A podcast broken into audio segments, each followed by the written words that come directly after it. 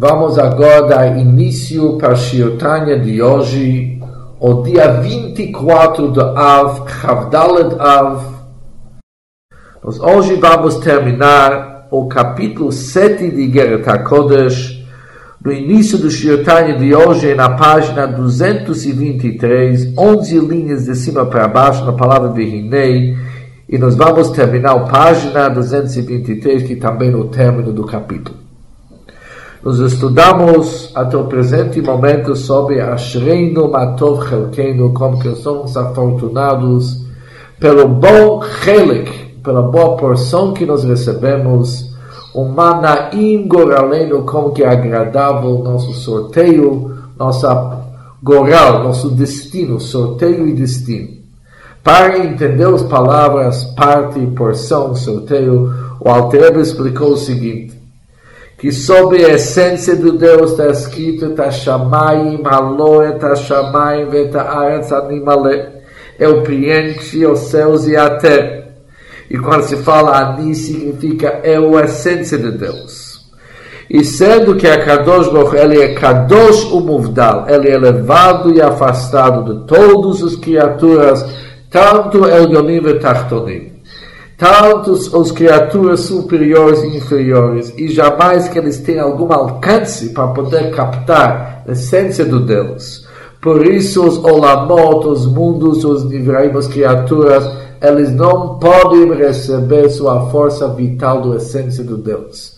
Somente através de uma ha'ara, de ha'ara, uma iluminação que vem de uma irradiação do Deus, que os mundos recebem sua força vital.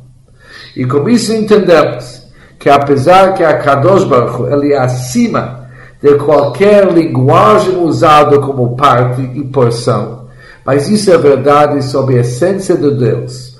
A iluminação do Deus ele se divide em 613 tipos de Hamshachot, formas de revelações e manifestações que através deles se sustenta a alma e através disso aqui o mundo inteiro.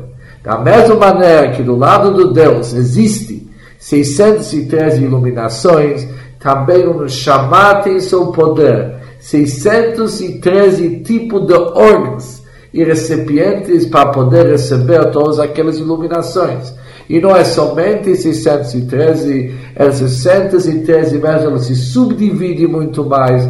E a Neshama tem vários e vários, até Ensof, infinitos recipientes para receber todas aquelas revelações divinas. E sobre o nível de divindade, sobre a iluminação do Deus que se adapta para as necessidades dos Nivraim, que se torna uma força vital para todas as criaturas, é o certo usar a palavra Helek, partes e porções. Hoje vamos estudar o que, que significa Goral, o que, que é um sorteio. Agora vamos estudar o Tanya dentro.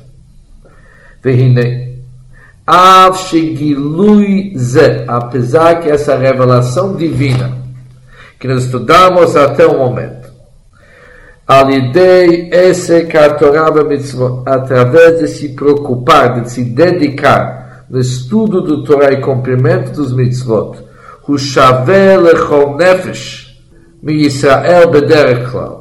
São similares, são iguais para cada um de nós, para cada nefesh, para cada alma do nosso povo em termos gerais. Que Torah achat, que temos apenas uma Torah, um mishpat echad lekulano, os mesmos leis se apliquem para todos nós. Cada Yehudi, obrigatoriamente, ele deve cumprir o Torah e Mitzvot e todo o Torah e Mitzvot. E as iluminações divinas, que eles vão influenciar Bnei Israel, são iguais para todos nós. Afal Piquet, mesmo assim, isso somente em termos gerais. Bederich Prat. Quando vamos entrar mais em detalhes, em Kolan Nefashot, não são todos os Nefashot, ou todos os Ruchot, ou todos os Neshamot são Shavot Binyazen, não são iguais. Conforme conhecido, que a Neshama ela tem vários níveis e graus, chamados Nefesh, Ruach ou Neshama. Nem no nível do Neshama somos todos iguais. Nem no nível do Ruach somos todos iguais, e nem no nível do Neshamot somos iguais. A diferença entre Nefesh, Ruach e Neshama, Neshama normalmente ele representa os níveis intelectuais. Ruach são os sentimentos e as emoções, e Nefesh é mais ligado com o mundo da ação. Não no nível da ação que nós somos iguais, nem que nossos sentimentos são iguais, e nem que nosso nível intelectual é igual. Isso depende muito, lefi et, conforme a época, os o tempo, Gilgulam, dessa reencarnação, o Boab, a chegada do Bolam, mas é no nosso mundo. A maioria das almas da nossa geração, eles são Neshamot que já eram, já existiam no nosso mundo, já fizeram a parte de seu avodá antes. E sendo que eles não terminaram, deram para eles mais uma chance e de novo chegaram para esse mundo. Isso é chamado Gilgul. O fato de chegar no Gilgul, numa reencarnação para esse mundo, significa que eles têm ainda um certo avodá, um certo serviço da Hashem para terminar. Dependendo numa época e do tempo que nos chamar desce no Gilgul para descer no nosso mundo, sobre a, sobre a e os mãos, sobre a época, o Shlichut, também depende das iluminações do Deus ligadas com mitzvot que a Neshama vai receber. O que mamar Rabotenos, conforme o dito de nossos sábios, que perguntaram o seguinte, Avur, teu pai, Bamai Havai Zahir onde que ele era mais cuidadoso? Qual mitzvah que ele cuidou mais? Ele respondeu para ele, diz o Talmud, Betzitzit. Meu pai cuidava mais no mitzvah do tzitzit. Ou seja, conforme o Hassidut, a palavra Zahir não significa apenas ser cuidadoso. Zahir significa onde que ele brilhava mais. Qual mitzvah que iluminou ele mais. Porque isso depende muito do Neshama, cada Neshama, ele se ilumina diferente conforme as mitzvot que ele pratica.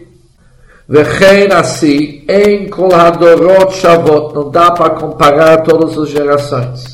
Não somente que existem diferenças entre uma alma e outra alma, mas existem também diferenças entre os Dorot, entre as gerações. Existe Dorot, Dorot passados, que o principal avodat Hashem deles era o conceito da Torá. E existe nosso, que a principal preocupação nossa deve ser no destacar que como sheivarei hadam, da mesma maneira como os órgãos da pessoa, Kol eve cada órgão yesh lo peolá pratit, ela tem uma função específica, umiuchedet e singular. Ha'ain nos olhos lirot para enxergar, ha'ozen nos ouvidos lishmoa para ouvir.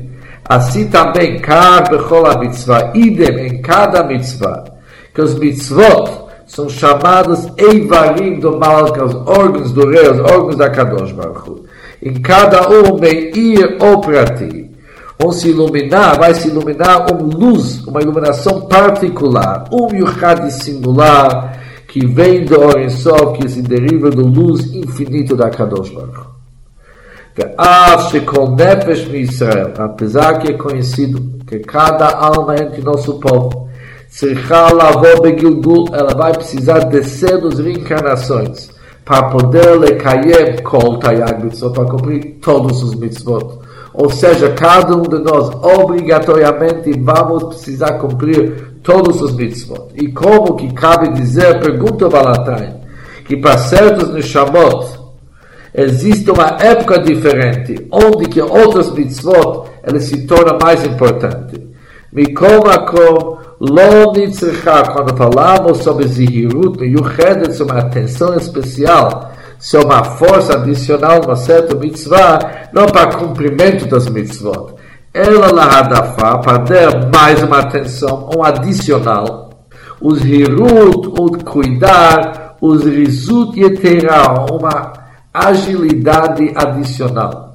Viessa seed, com mais força, viessa os, e com mais potência, kfulá bechupelet, duplo e mais ainda. Se dedicam para uma certa mitzvah muito acima da dedicação que representa os outros mitzvot. Por isso o Talmud pergunta, Bemai Havezahir, ele diz fei, o que, ele cuidou mais? Jamais que a pergunta do Talmud foi qual mitzvah que o teu pai cuidava. Com certeza ele cuidava todos os mitzvot. A palavra é tfei, o que, que ele cuidou mais?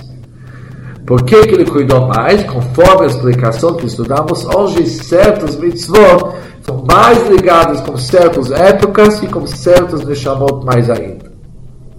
Vihine, Yitaron Haoraze, o motivo que tem uma certa vantagem, uma certa superioridade para uma certa iluminação, para chamot específicas. Em nome Prinatam Vedat Musar. Jamais que isso pode ser explicado. Jamais que nós podemos entender a razão e o motivo, porque certos Neshamot se ligam mais com certos mitzvot, e que certas gerações e épocas se ligam com mais com certos mitzvot. Isso não é nada que diz o Balatani, que é tam, vedat, musar, que nós podemos compreender o assunto. Ela mala isso acima do nível de entendimento. Shekach Allah b'machshava lefanav yitbarech, assim que subiu no machshava, no momento do pensamento do Deus, em certos neshamot, a luz divina, ela vai iluminar mais através de uma mitzvah específica. Bedugmato mata. O exemplo sobre isso aqui, nosso mundo é aquele que nós chamamos de goral no sorteio. Quando queremos falar algo que jamais que está baseado sobre o século, sobre o nível intelectual, falamos que ele ganhou no sorteio. Ganhar no sorteio significa que não há um justificativo concreto por que tal pessoa ganhou. Ele ganhou, isso foi estabelecido no nível acima do século.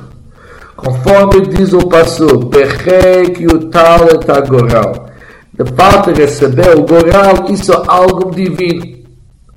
Por isso terminamos o Mana Ingoraleno, como que é bonito nosso Goral, nosso sorteio, isso significa, isso simboliza o Helekayafé, o bom parte, que nós ganhamos através dos certos trâmites que são mais ligados a nós, onde que nós vamos ser influenciados e inspirados a mais, isso é chamado Goral, um sorteio que transcende os níveis do Talmudad, o nível de compreensão e entendimento. E aqui termina o Shirtanya de hoje.